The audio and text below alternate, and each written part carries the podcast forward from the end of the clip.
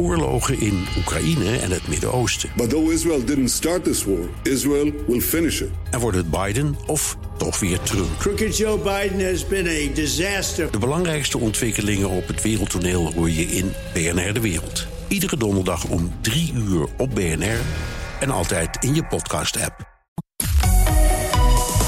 BNR Nieuwsradio. The Big Five. Art Rojakkers.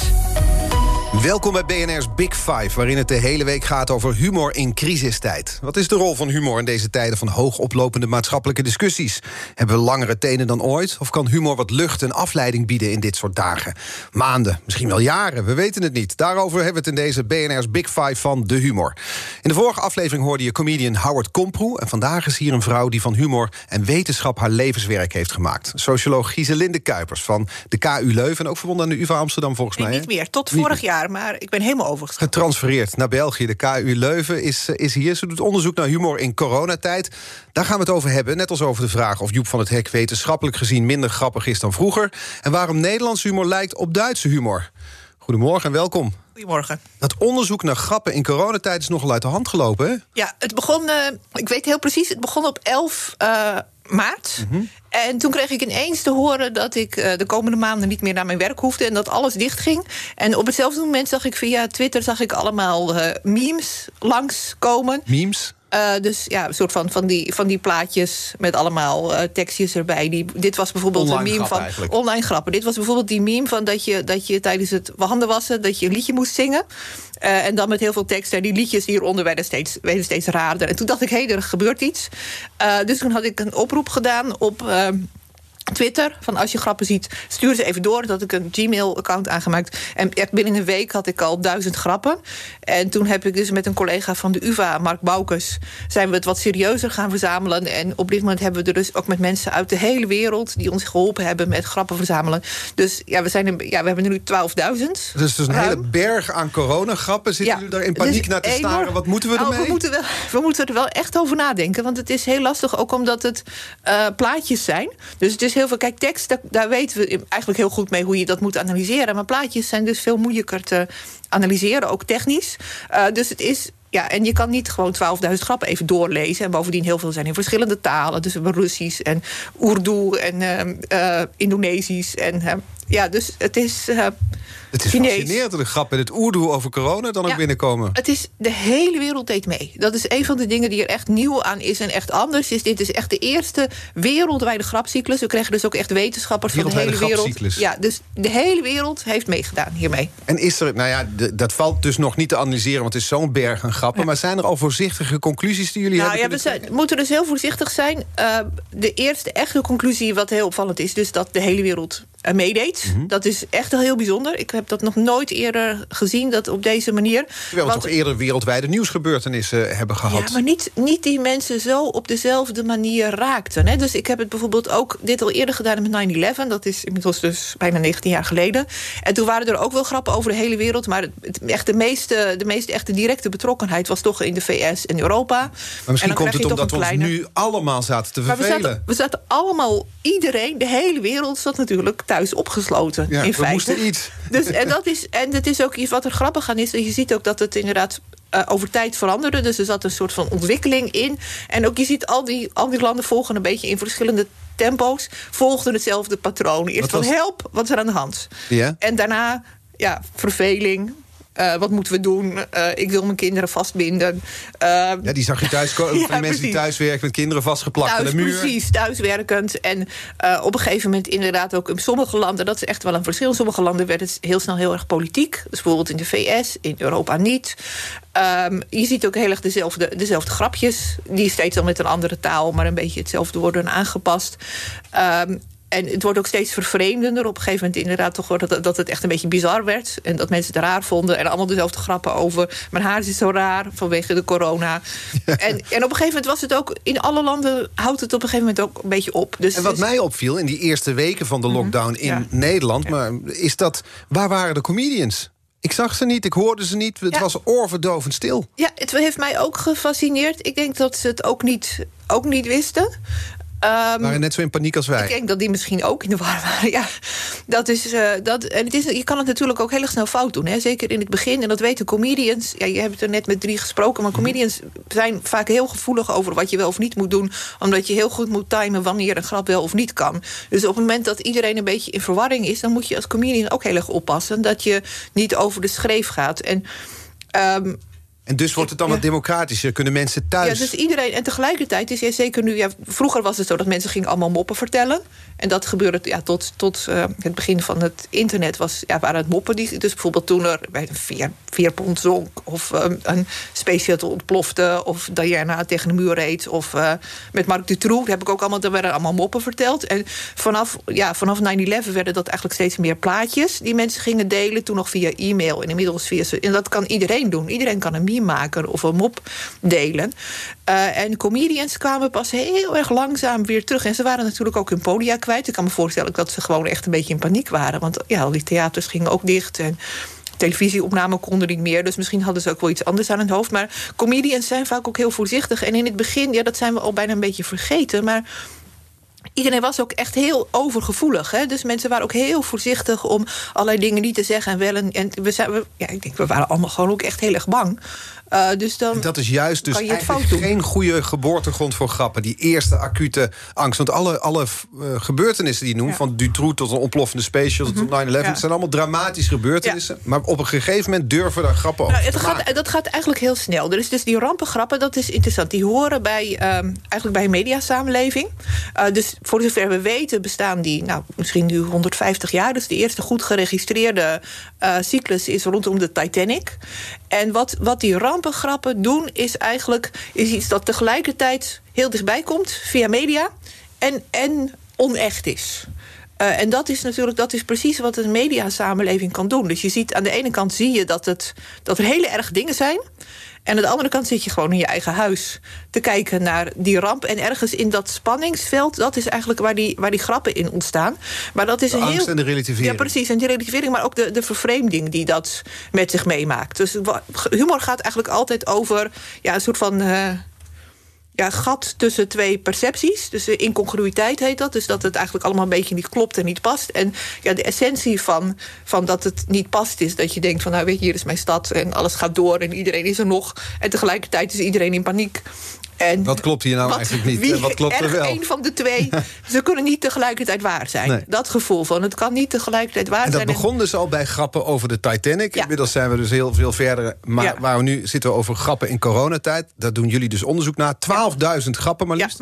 Gisteren was hier comedian Howard Komproe te gast. Mm -hmm. uh, en onze gasten stellen elkaar vragen via de kettingvraag. Dit was zijn vraag voor, voor jou. Dan zou ik wel aan haar willen vragen... als je mensen vraagt om grappen in te sturen... En, uh, en je, je, gaat daar dan wat mee doen. Hoe beoordeel je dan die grappen als je context en nuance mist? Als je die grappen niet performed ziet worden, maar je ze gewoon leest droog vanaf een beeldscherm. Hoe, uh, hoe weet je dan hoe je de grap moet plaatsen? Ja, goede vraag. Nou, het is, in mijn ervaring is het dus ook zo dat die grappen op dit moment zijn nog niet meer zo leuk. Dus de context, die coronagrappen. Dus de, de context van die grappen is, de, is gewoon de sociale context. Uh, dus als je er nu naar, tijdgebonden. Dus, tijd, dus tijdgebonden. Als je er nu naar kijkt, dan kan je ook niet meer, omdat je dat gevoel er niet meer bij hebt. Uh, dus, die, dus die memes zijn vaak, heel, uh, ja, zijn vaak hele kleine, makkelijk verplaatsbare grapjes of moppen. Dat zijn hele kleine. ja, die hebben dus zelf niet zoveel context. Uh, maar die context is dus de omgeving eromheen. En daardoor zijn ze heel vluchtig. Dat dus is het is ook, niet zo dat jullie nu de hele tijd schaterlachend... door die 12.000 nee, grappen heen helemaal, gaan? Nee, er is echt, het is heel moeilijk om, om, het, om het leuk te vinden. Kijk, wat, wat iemand als Compro doet natuurlijk... als je cabaretier bent, dan, dan maak je die context. Je maakt een verhaal, je bouwt het op... je, je organiseert al die context. En, en dat kunnen, ja, dat is. De, kijk, de kunst die, die gewone grappenmakers ook niet beheersen. Aantal hele kleine. Maar juist die memes, ja, dan is wat is de context? Nou, je krijgt een plaatje met een grapje, of je krijgt een geluid, filmpje of een TikTok. En die zijn dus per definitie heel kort, maar dat komt omdat ze passen in. Nou, niet alleen de conversatie die je hebt met mensen, dus bijvoorbeeld in een appgroep, maar ook in het gevoel dat je allemaal deelt. En wat, wat die coronagrappen doen, denk ik eigenlijk als je terug denkt, we waren allemaal de hele tijd bezig te begrijpen wat er aan de hand was. Ik denk dat een heel groot deel van was van, nou ja, wat, ja, Wat is, wat, wat is er nou eigenlijk gaande in de wereld? En wat moet ik doen? En wat is het erg of niet? En waarom? Maar En- nu is dat een aantal maanden verder zijn we. We En weten precies. iets beter wat er gaande is. En dus het is valt daarmee mee. grap En je kan dus het gevoel, het gevoel waar die grap uit voortkomt... En waar het, waar het naar verhoudt, die is er niet meer. En het is dus ook niet zo grappig meer. Nee. Dus kun je, wat, wat Howard vraagt, hoe beoordelen jullie grappen? Jullie kijken dus niet of die grappen leuk zijn of niet. Hè? Want hij vraagt, als je de context en nuance Ja. niet meekrijgt... eh, je ziet ze niet performed, je ziet ze op een beeldscherm. eh, Maar daar kijken jullie niet naar. Nee, maar weet je wat het is? Kijk, wij zijn, ik ben socioloog en mijn collega Mark is communicatiewetenschapper. Dus wij gaan sowieso niet over beslissen of iets wel of niet grappig is. Wij zeggen op het moment dat mensen besluiten dat ze het met ons willen delen. Dan vonden ze het blijkbaar leuk. Dan was het grappig. En zeker als we het niet één keer krijgen, maar, maar drie keer of vijf keer, of sommige dingen echt wel honderden keren. Nou ja, dan, ja, dan vonden mensen het dus leuk op dat moment. Leuk genoeg om te denken, nou dat moeten die wetenschappers weten. Ja. En dat is onze graadmeter. Maar mijn beeld is dat er een aantal wetenschappers in een laboratorium... in, ja, in mijn droomwereld dan ook nog in een witte jas... de hele tijd schudden buikend rond een, rond een beeldscherm zitten. Nee, nee, nee. Sowieso zijn het, zijn het niet echt hardop lachen grappen, hè? De meeste van die. Ook omdat het is. Lachen, lachen is sociaal, dus dat doe je echt wel met andere mensen erbij. Dus het valt ook op dat mensen zeggen... als ze dus inderdaad iets digitaals krijgen... en ze moeten er echt hard op om lachen... dan willen ze dat graag ook nog, nog een keer tegen je zeggen. Nee, maar dan willen ze dat graag ook zeggen. Dat het zo goed was, dat ze er ondanks dat ze een beetje met hun gezicht in hun telefoon... dus het gebeurt niet zo vaak dat je lacht om een scherm. The Big Five. Art Rojakkers. Deze week vijf kopstukken uit de wereld van de humor. Vandaag de gast Gieselinde Kuipers, socioloog aan de Universiteit Leuven. En Ze doet al haar hele carrière onderzoek naar, eh, naar humor. Eigenlijk hebben jullie dus een fantastisch half jaar gehad. Ja, het was, het was wel leuk. Het gaf wel echt het gevoel dat, dat we met iets, eh, met iets bezig waren... wat ons onder de ogen eh, ja, ontwikkelde. Eh, dus dat was, eh, nou ja, het was... Kijk, we hadden natuurlijk op dezelfde manier alle getop als alle andere mensen... maar dit was wel... Hier, hier werd ik wel vrolijk van. Het gaf wel energie om iets, echt iets nieuws te zien gebeuren voor je ogen. Ja, want het, bedoel, het onderzoeksveld bestond al langer. Je bent er al je hele carrière mee bezig. Maar nu... On, ja, Ja, en eh, wat ook echt, wat echt heel leuk was en wat, wat dus nu wel kan, is dat we kregen dus ook echt mailtjes uit de hele wereld van mensen die ik niet kennen. Iemand uit Brazilië en iemand uit Pakistan en iemand uit Japan en iemand uit Korea. Die zeiden: Ik heb ook grappen verzameld. En eh, hier zijn de mijne. Dus we hebben ook echt afgesproken dat we gaan delen. Dus dat het allemaal, eh, als het allemaal bij elkaar gebracht is, dat we workshops organiseren en het samen gaan Want het is analyseren. een uniek onderzoek in de hele wereld blijkbaar. Het is Ja, niet dat er op elk continent collega's hiermee bezig zijn. Jawel, maar die hebben we dus allemaal bij elkaar gebracht. Dus dat was ook echt het. Daarom is het ook zoveel. Dat we hebben dus ook geprobeerd om het samen te doen in plaats van individueel. Omdat je dan eigenlijk veel beter kan zien wat er aan de hand is. En ik begrijp een Pakistaanse grap niet. Nee, nou, of nog niet. Nog niet. Ja, mijn Oerdoe. Ik weet het niet. Het kan weet komen. Het. Ik weet het niet. Wat is er eigenlijk zo fascinerend aan humor... dat daar een wetenschappelijke carrière aan gewijd kan worden? Nou, ik, ja, ik doe het dus al echt al vanaf dat ik student was. Dus inmiddels al eh, bedacht ik gisteren bijna 30 jaar. Ehm, dus dat is een hele tijd. Wat ik, wat ik interessant vind aan humor is dat je he- echt je komt heel dichtbij wat, wat mensen belangrijk vinden. Dus op het moment dat je humor onderzoekt, dat gaat echt over wat, ja, waar mensen heel erg mee bezig zijn. Dus wat heel diep zit. Het is heel persoonlijk. Het is heel persoonlijk en tegelijkertijd is het heel erg sociaal gevormd. Dus eigenlijk de essentie van sociale wetenschap: dat mensen als sociale wezens. Eh, ja, gevormd worden. En datgene wat ze voelen als het meest individueel en het meest persoonlijk, dat dat tegelijkertijd een, een resultaat is van hun sociale omgeving en het land en de stad en de familie en de, waar ze in opgroeien. Dat zie je bij humor heel goed terug. Dus ik voel als ik ergens om moet lachen of niet, dan denk ik dat gaat echt over mezelf. En tegelijkertijd is dat omdat ik Nederlands ben en zo oud en een vrouw en hoog opgeleid en al die dingen. Dus eigenlijk kom je bij, ik weet bijna niks waar je dichter bij ja, hoe, hoe, hoe de sociale werkelijkheid werkt als dit. Eh, dus dat is er leuk aan. En het is daardoor, zie ik ook, dus ik heb heel vaak gedacht, nou nu ben ik echt klaar. Nu heb ik echt niks meer over te zeggen. Het is gewoon af. En dan komt er weer iets. En dan heb ik weer, zoals nu ook met, met die coronagrappen, dat ik denk van je bent gewoon heel dicht bij wat er in de wereld gebeurt. Op het moment dat je naar humor kijkt. Dan ben je bent heel dicht bij ja, gewoon een van de grootste mondiale gebeurtenissen. En je hebt een hele onverwachte manier. Dus je komt een beetje vanuit een andere hoek aanvliegen. En daardoor zie je heel veel dingen. Dus een ik vind dat pols- heel. polsslag van de actualiteit. Ja, het is een soort van, het is een soort van barometer van, van, eh, van wat, er, wat mensen beweegt. Eh, en dat is. En daarom ook met corona, we kunnen nu een soort van ja, alternatieve geschiedenis schrijven van die coronatijd. En ook waar je denk hoe- ik heel dichtbij komt van wat, wat mensen bewogen heeft. Naast de feiten, dit is wat er gebeurde, dit is hoe we ons voelden. Ja, en dan kom je dan precies. achter via humor. Ja. 30 jaar lang al onderzoek daarna doen. ben je dan ook grappiger geworden zelf? Ehm, ja, ik, ja, ja, dat is grappig. Moet- Eigenlijk, dat moeten andere mensen beoordelen. Wat ik, wat ik wel kan, het is een beetje zoals als je literatuur onderzoekt... dat je, je ik heb wel ben steeds opener geworden voor steeds meer soorten humor. Omdat je probeert heel veel mensen te begrijpen. Weet je, waarom vindt die het nou grappig? Dus je, mijn smaak verbreedt in zekere zin een beetje, denk ik. Maar of ik grappig ben, ja, dat is aan andere mensen. Waarschijnlijk niet hoor, want vrouwen Nee. hebben geen humor. Nee, precies. Nee, Dat is een stereotype dan. nou, het is een, eh, ja, het is een eh, Zelfs een mechanisme las ik in een artikel van jou. Het mechanisme van Rose Kozer. Ja, het is een. eh, het is, ehm, waar het mee te maken heeft, is dat. eh, dat mensen met meer maatschappelijke status. dat die sneller grappiger worden gevonden. En dat is, heeft een zelfversterkend effect. Dus op het moment dat iedereen gelooft dat vrouwen geen humor hebben. dan is het dus als vrouw heel moeilijk om, om je gevoel voor humor te ontwikkelen. Eh, want je moet eigenlijk eerst door dat vooroordeel heen. Ehm, en op het moment dat je het niet oefent, ja, dan wordt het ook. Kijk, alles, ja, ook humor. Het is, een, het is ook een vaardigheid. Het, Elk talent is. Dus op het moment dat nou bij heel vaak bij vrouwelijke komieken wordt bijvoorbeeld gezegd van, nou ja, weet je. eh, ja, vrouwen zijn eigenlijk niet grappig. Of in het beste geval voor een vrouw ben je best grappig. Nou, het is heel moeilijk om het dan te. Terwijl bij mannen wordt juist gezegd: je moet grappen maken en het moet leuk zijn, het is heel belangrijk. En dan krijg je dus, dan voel je dus dat dat iets wat je is wat je moet ontwikkelen. En alles wat je aandacht geeft groeit. Dus ja, dan... nee, precies. Dus dat is het eerste. En verder is er dus heel veel onderzoek. Dat is eigenlijk een beetje zuur. Zoals dat, die, dat onderzoek, die klassieker van Rose Kozer. Dat, dat er dus laat zien dat naarmate mensen meer status hebben, dat ze grappiger gevonden worden. Ja, het is dus echt zo, we lachen om grapjes van de We lachen baas. om grapjes van de baas. Nou, dat onderzoek dat was in de jaren 50 in een Amerikaans ziekenhuis. Heeft heel lang heeft hij bij de stafvergadering in dat ziekenhuis gezeten. Hij heeft gewoon geturfd van wie maakt er grapjes en wie lacht daarom. Ja.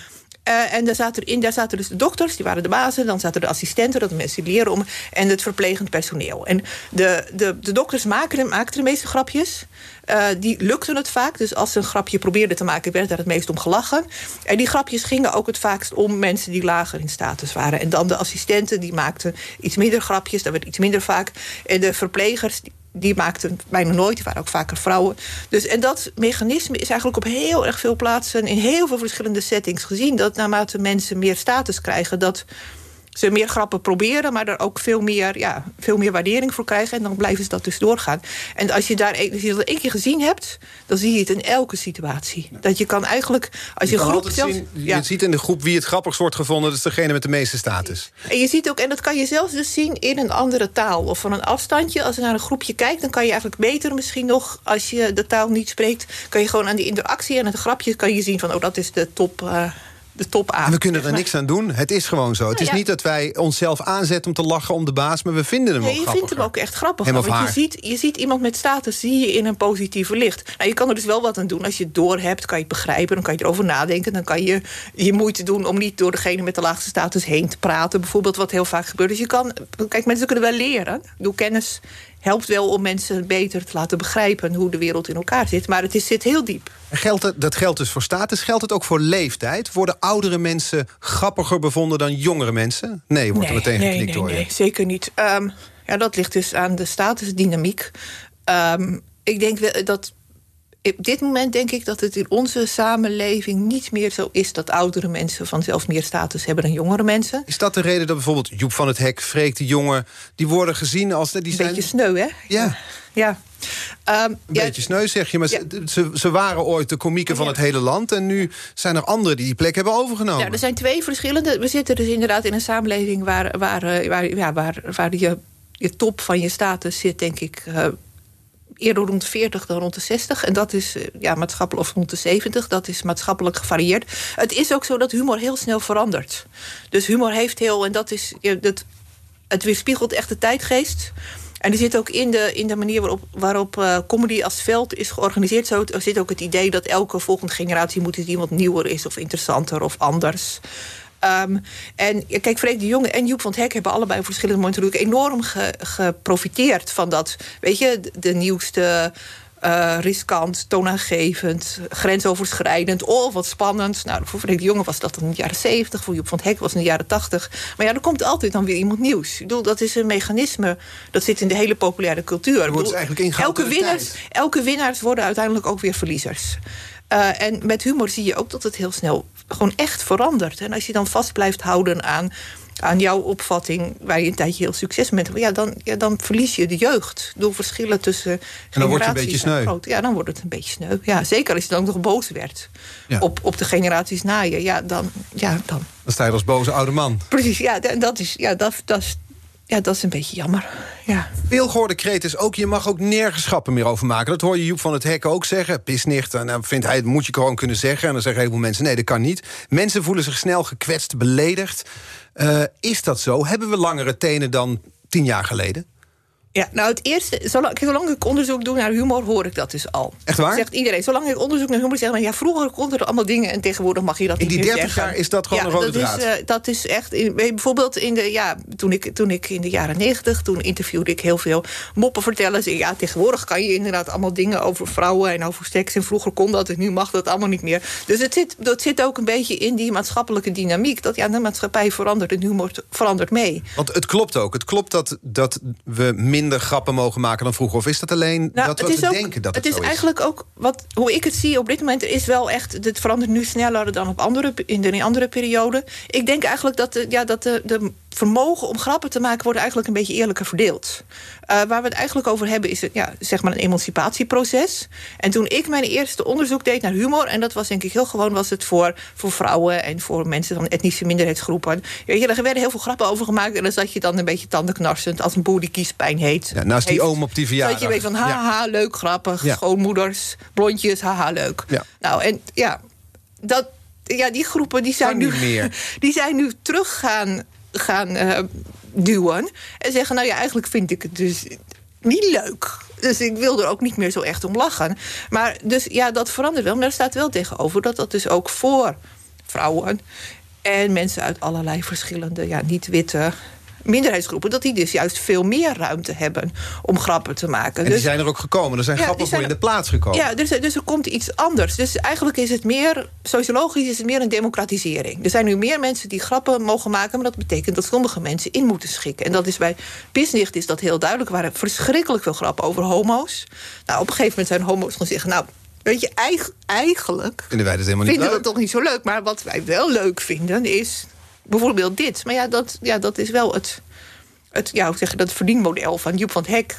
Ja, leidt daar een beetje om. Ja, en dat verdwijnt daarmee gedeeltelijk ook. Ja, maar dat is ook, ja, dat, dat hoort er gewoon bij. Het is, eh, ja, de wereld verandert en dingen veranderen mee. Maar dat gaat, wordt ook niet meer. Kijk, er komt op een gegeven moment is ook. eh, ja, de mensen van nu, die, die moeten ook weer het veld ruimen. Ja. Elke winnaar wordt een verliezer. Ik vind het een Precies. filosofische opmerking. Eh, mijn gast in BNR's Big Five van de humor vandaag... is socioloog Giselinde Kuipers. 9-11 was een eh, keerpunt in de manier waarop we grappen maken over een crisis. Morgen is dat precies 19 jaar geleden. Hoe heeft de humor zich in die tijd ontwikkeld? Daarover praten we straks. BNR Nieuwsradio. The Big Five. Art Rojakkers. Welkom bij het tweede halfuur van BNR's Big Five. Deze week vijf kopstukken uit de wereld van de humor. Vandaag de gast Giselinde Kuipers, socioloog van de KU Leuven. Eh, we hadden het over eh, grappen in coronatijd. Daar doen jullie onderzoek naar. 12.000 grappen kwamen er in korte tijd binnen. Maar die grappen gaan eigenlijk meer over de randverschijnselen... zoals het thuiswerken dan over corona zelf, begreep ik. Ja, en eigenlijk gaan die grappen heel erg over de, ja, de, de ervaringen van, van de lockdown. Eigenlijk zijn het lockdown-grappen, geen corona-grappen. En dat wisten we natuurlijk niet aan het begin. Dus in het begin eh, heb ik eigenlijk steeds gedacht van... kijk, nu gaat het nog over hamsteren. En in het begin ging over... eh, Wc-papier. wc-papier. En de allereerste grappen in januari... die gingen over ja, dat coronavirus... dat ehm, gaat zelfs stuk, want het is made in China. Waren er heel veel. Ja, dat is Ja, nader inzien Ja, een beetje... is een beetje zuur geworden. Beetje zuur, Ja. maar dat, was, dat waren de allereerste die ik zag. De- En ik kreeg wel ook wel racistische grappen binnen die ging- eerste in maanden. Het begin, in het begin waren het inderdaad ook grappen over Chinezen. Die inderdaad dus allerlei, dat het een Chinees virus was. Eh, toen, en toen niet kwam het hier. dus. Nee, Dat was nee, dat was echt de hele. Dat was ook hele. Dat was inderdaad heel veel grappen over Chinezen. Eh, toen ging het ineens de hele tijd over hamsteren en eh, wc-papier. Heel veel. Mhm. Ook wereldwijd. Eh, en daarna heel veel lockdown-grappen. En eigenlijk in het begin heb ik steeds gezegd, ook volgens mij hier bij, eh, eh, op de radio, dat op een gegeven moment, als het erger wordt, verwacht ik ook een soort van echte goochelhumor. Dus dan verwacht ik dat het echt over ziek zijn en een beetje grimmige, ja, zwarte humor. En die is eigenlijk bijna niet gekomen.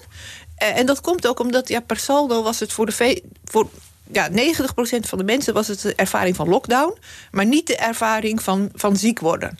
Of dat er iets heel ergs aan de hand was. En dat zie je eigenlijk dus heel goed terug aan die grappen. Dat, en een paar pogingen tot, tot echte uh, galgenhumor werden ook heel snel afgestraft. Ik moet me voorstellen bij ja, ik, galgenhumor. hoorde, ik hoorde net, volgens mij werd het ook in het vorige uur ook genoemd. Was in, in Brussel was een supermarkt en die had toen een actie. Dat je bij, bij, uh, bij een flesje corona kreeg je bier. Dus Ja, bij twee kreeg je kreeg twee je- kreeg je morsubiet. En dat is dus in het biertje. En dat is dus betekent eh, acute dood in het Frans. Nou, die, werden, die hebben ze, iedereen overheen gevallen. En die hebben dat dus ogenblikkelijk teruggetrokken. En heel veel excuses aangeboden. Dus en dat is echt galgenhumor. Ik bedoel, dat is echt grap over, weet je, dat je grappen maakt over iets wat heel erg is. Heeft dat ook een functie, galgenhumor? Ja, nou dat is eigenlijk wat, wat, ja, wat die, die lockdown humor is eigenlijk een beetje meer een soort van gedeelde kijken. Wat weet je, zien die andere mensen hetzelfde zoals ik? En wat, wat galgenhumor doet, is echt heel snel een soort van luik neerlaten tussen, tussen het gevoel dat je ergens bij hebt. Eh, en je eigen ervaring. Dus je gooit zeg maar alle, emotioneel even alle deuren dicht, omdat je het echt wegmaakt. Dus je maakt het door ergens om te lachen, maak je iets heel klein. Dus je neemt het minder serieus. Dus dan maak je het eigenlijk een beetje ja, klein en je maakt de afstand daartussen groter. Dus dat is. En we weten bijvoorbeeld dat dat, dat heel vaak gebeurt in ziekenhuizen, bij de eerste hulp, brandweer. Dus mensen die echt met. Harde humor. Met echt de harde humor die echt te maken heeft met nou, dat je hele erg dingen meemaakt. En dat je er meteen is bijvoorbeeld ook mensen die ja, bij, bij zelfmoord, die dan dat moeten opruimen bij de trein en zo. Nou, er is heel veel, dat is heel, die maken vaak echt hele nare grappen. Ja, dat zal niet allemaal heel subtiel zijn. En dat, is gewoon, en dat is echt om te zorgen dat je, dat je, ja, dat je het gewoon even door kan. Want je maakt het even, ja, letterlijk. Je, je laat even een luik tussen jezelf en die ervaring. En is er ook iets gebeurd in de toon van de grappen? In het begin waren we, was er veel saamhorigheid. Stonden we uit het raam te klappen voor de zorg met z'n allen. Nu is er veel meer kritiek en de onduidelijkheid over De grappen, zijn- coronabeleid. de grappen zijn ook weg. Ik bedoel, die grappen zijn eigenlijk zijn een soort van van dat gevoel van allemaal samen. Eh, en in juni, toen, ook, dat, toen die saamhorigheid een beetje begon af te brokkelen, zien we ook, en dat is overal ter wereld begonnen, die grappen was ook een beetje weg. Dus na de, na de fase van het hamsteren zagen we dat er inderdaad heel veel lockdown-grappen over ja, dat je je kinderen tegen het behang wil plakken. Of dat je eh, mensen, de meeste, degene die het meest gezien hebben, is denk ik van die man die in de douche staat met aan het douchegordijn en dan met zijn hand zo omhoog alsof hij in de metro staat. Om toch nog naar zijn werk te gaan. Nou, Dat is heeft heel kleine alle- douchecabine waar ook de hele tijd precies. mensen In erbij alle- komen. In alle talen hebben we die gezien. nou, dus mensen die nog inderdaad door bleven gaan met hun oude routines. En die daar steeds, het werd steeds een beetje bizarder en vervreemder. Dus heel veel grappen over Zoom bijvoorbeeld. En op een gegeven moment waren ze Ik zag dan Jezus en het Ja, laatste precies, avondmaal. ja, de met apostelen minimans, zaten. Precies, Met, er allemaal Ja, Zoom. zoomden, Ja. Ja. Nou, heel veel van En op een gegeven moment was het ook een beetje weg. En hoe ik, hoe ik altijd nadenk over humor... Ik, zeg, dat is een metafoor, kost even tijd... maar als een vleermuis, als die de weg zoekt... dan werkt hij met een sonar. Dus die is de hele tijd een soort van signaaltjes aan het uitzenden... en die wacht dan wat er iets terugkomt... en zo vindt hij de weg.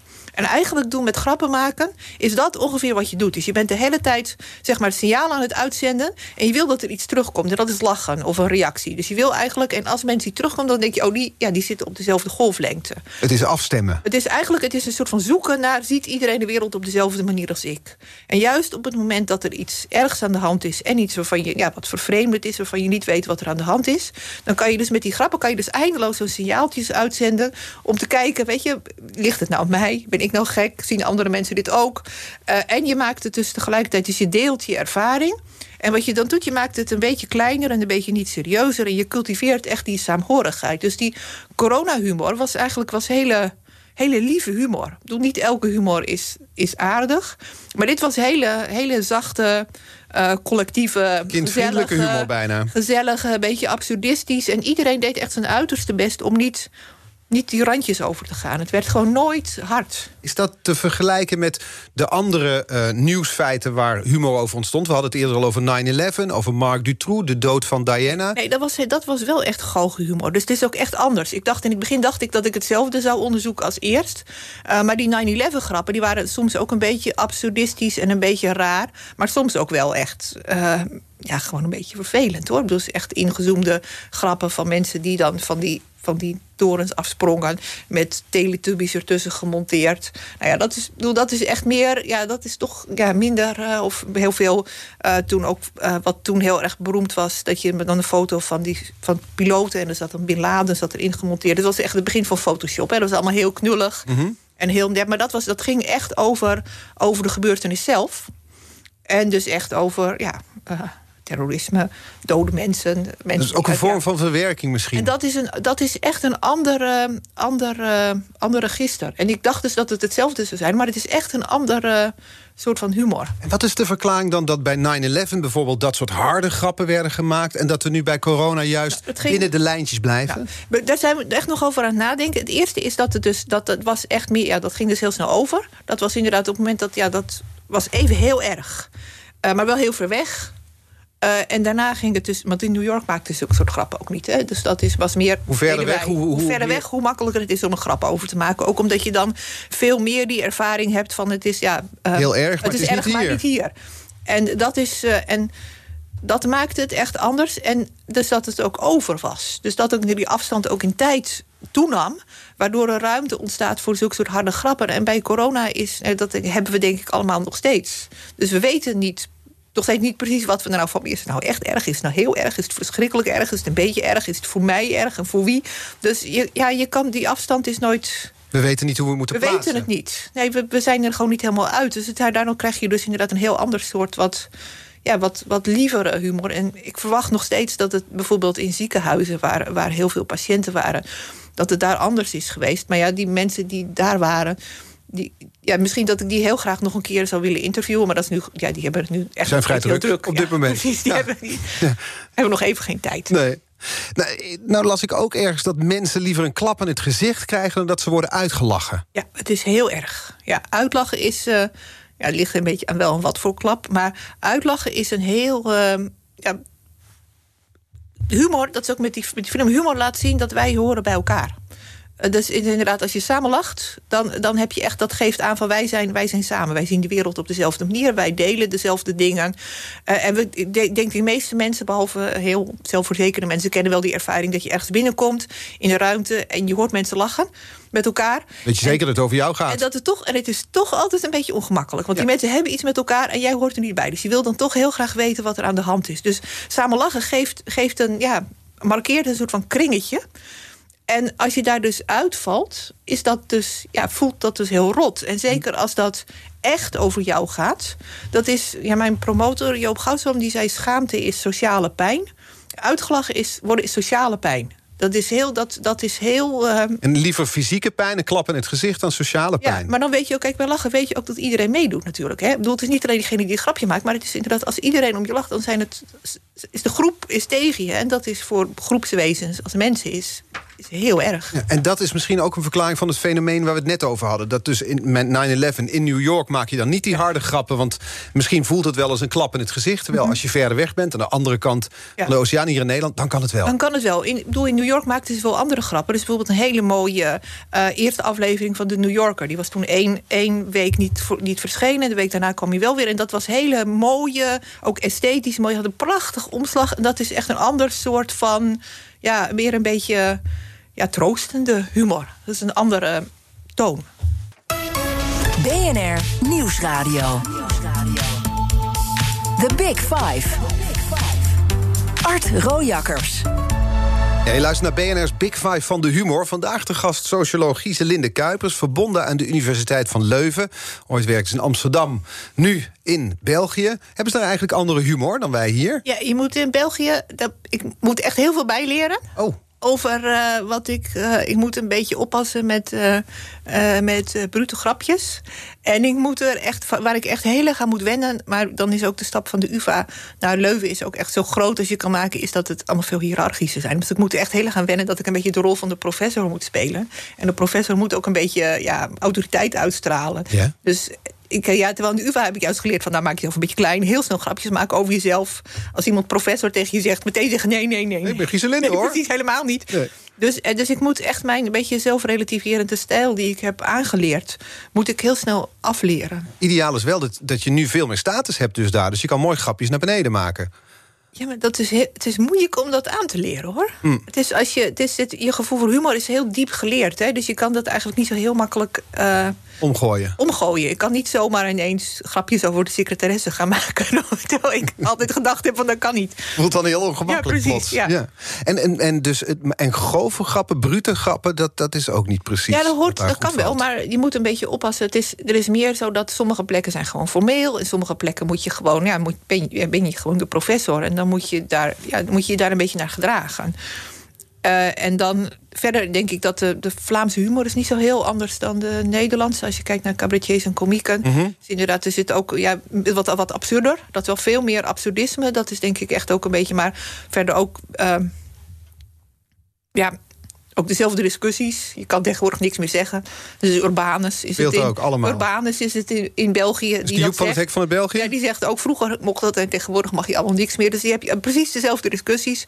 Eh, ook precies dezelfde verschuiving. Dat inderdaad ook dat de jongere generatie is inderdaad wat past wat meer op. Dus eigenlijk, dat zeg ik altijd, eigenlijk lijkt de, de, de, de humor, zeg maar de formele humor, in, in ieder geval Noordwest-Europa lijkt heel erg op. Dus onze humor lijkt ook op Duitse humor. Ja, het is, ik, het, ik, mensen vinden het niet fijn om te horen. Nee. Maar eh, Nederland, Engeland, België, maar bijvoorbeeld ook Scandinavië, is, eh, Polen. Ik heb veel onderzoek gedaan in Polen. Lijkt eigenlijk heel erg. Voel, voel je heel makkelijk aan. Je gaat heel makkelijk. Kom je in dezelfde vibe dat je elkaar een schrapje gaat delen. En dat gaat in andere landen veel moeilijker. Bijvoorbeeld in Italië vind ik het veel lastiger. En ik heb ook lang in Amerika gewoond. En dan moet je echt oppassen met je Nederlandse.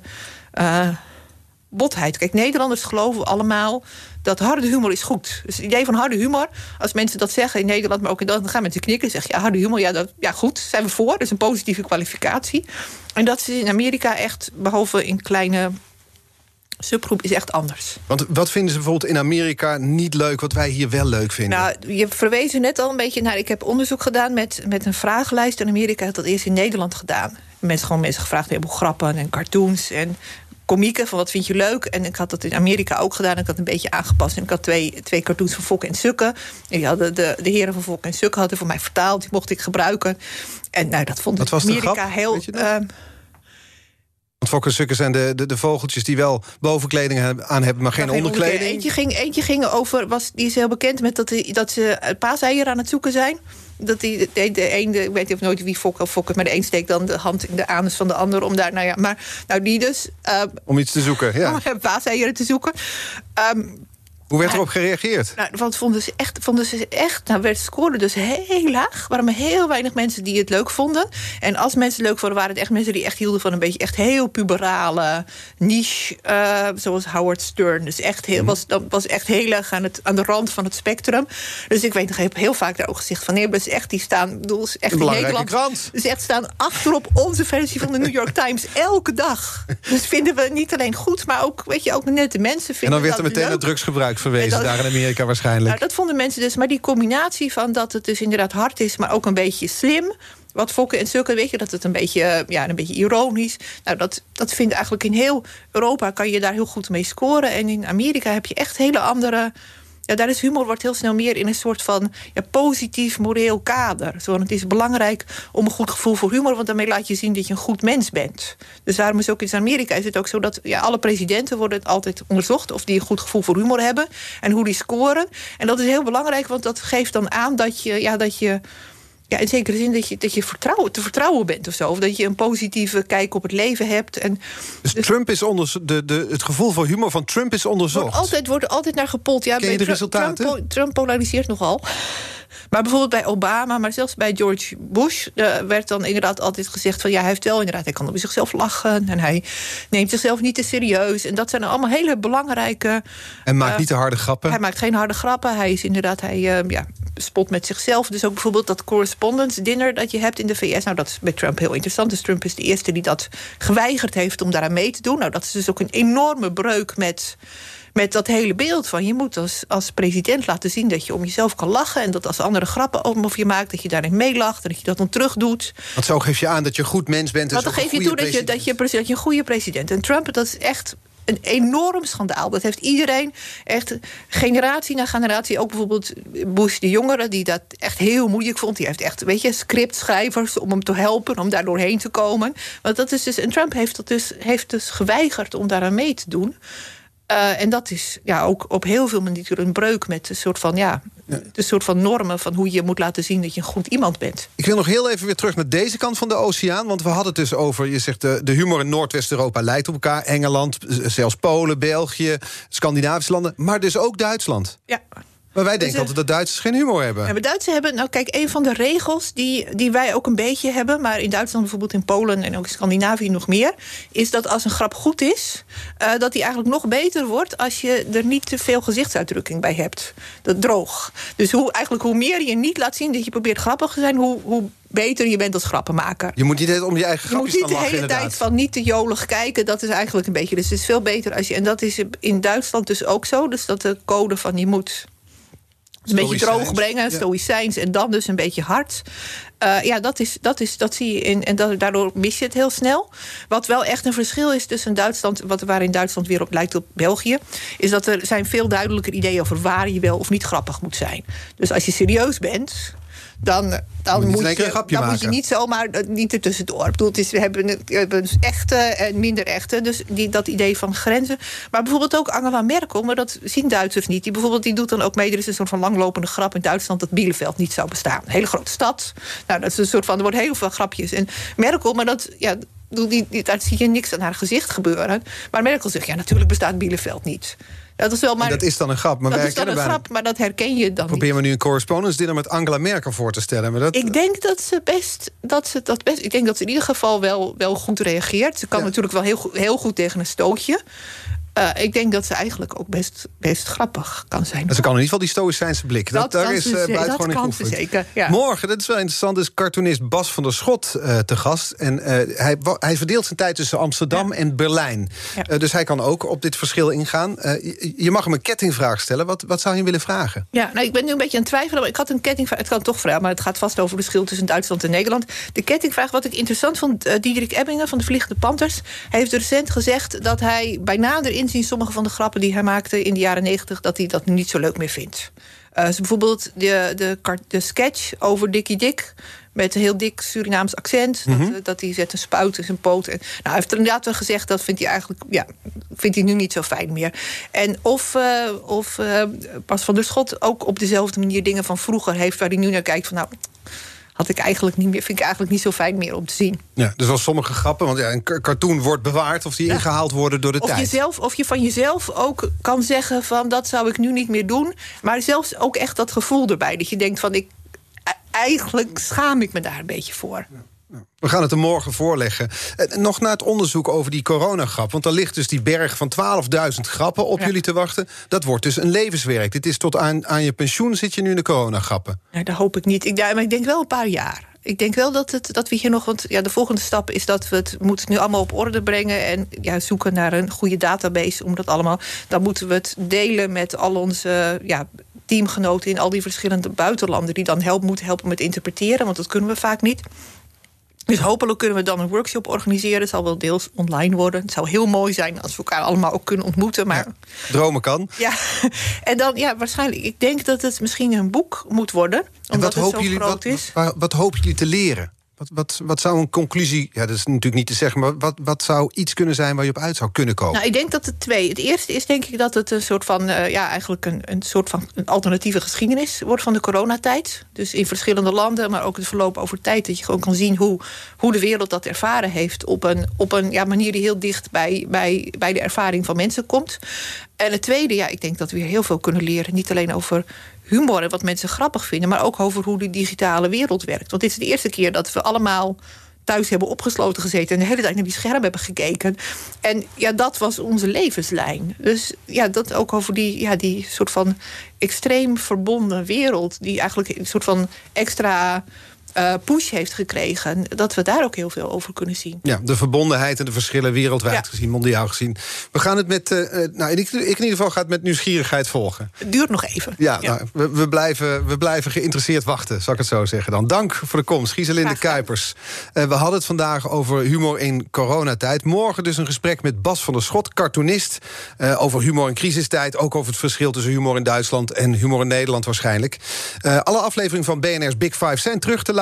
Dat kan eh, via de podcast in de BNR-app en op bnr.nl. En nu op deze zender Jurgen Rijman met Ask Me Anything. Tot morgen. Ook Diana Matroos vind je in de BNR-app. Ja, inderdaad. Je kunt live naar mij luisteren tijdens de Big Five. Ook handig in de BNR-app. Breaking nieuwsmeldingen, maar ook het allerlaatste zakelijke nieuws. En je vindt in de app alle BNR-podcasts, waaronder Wetenschap Vandaag. Download nu de gratis BNR-app en blijf scherp.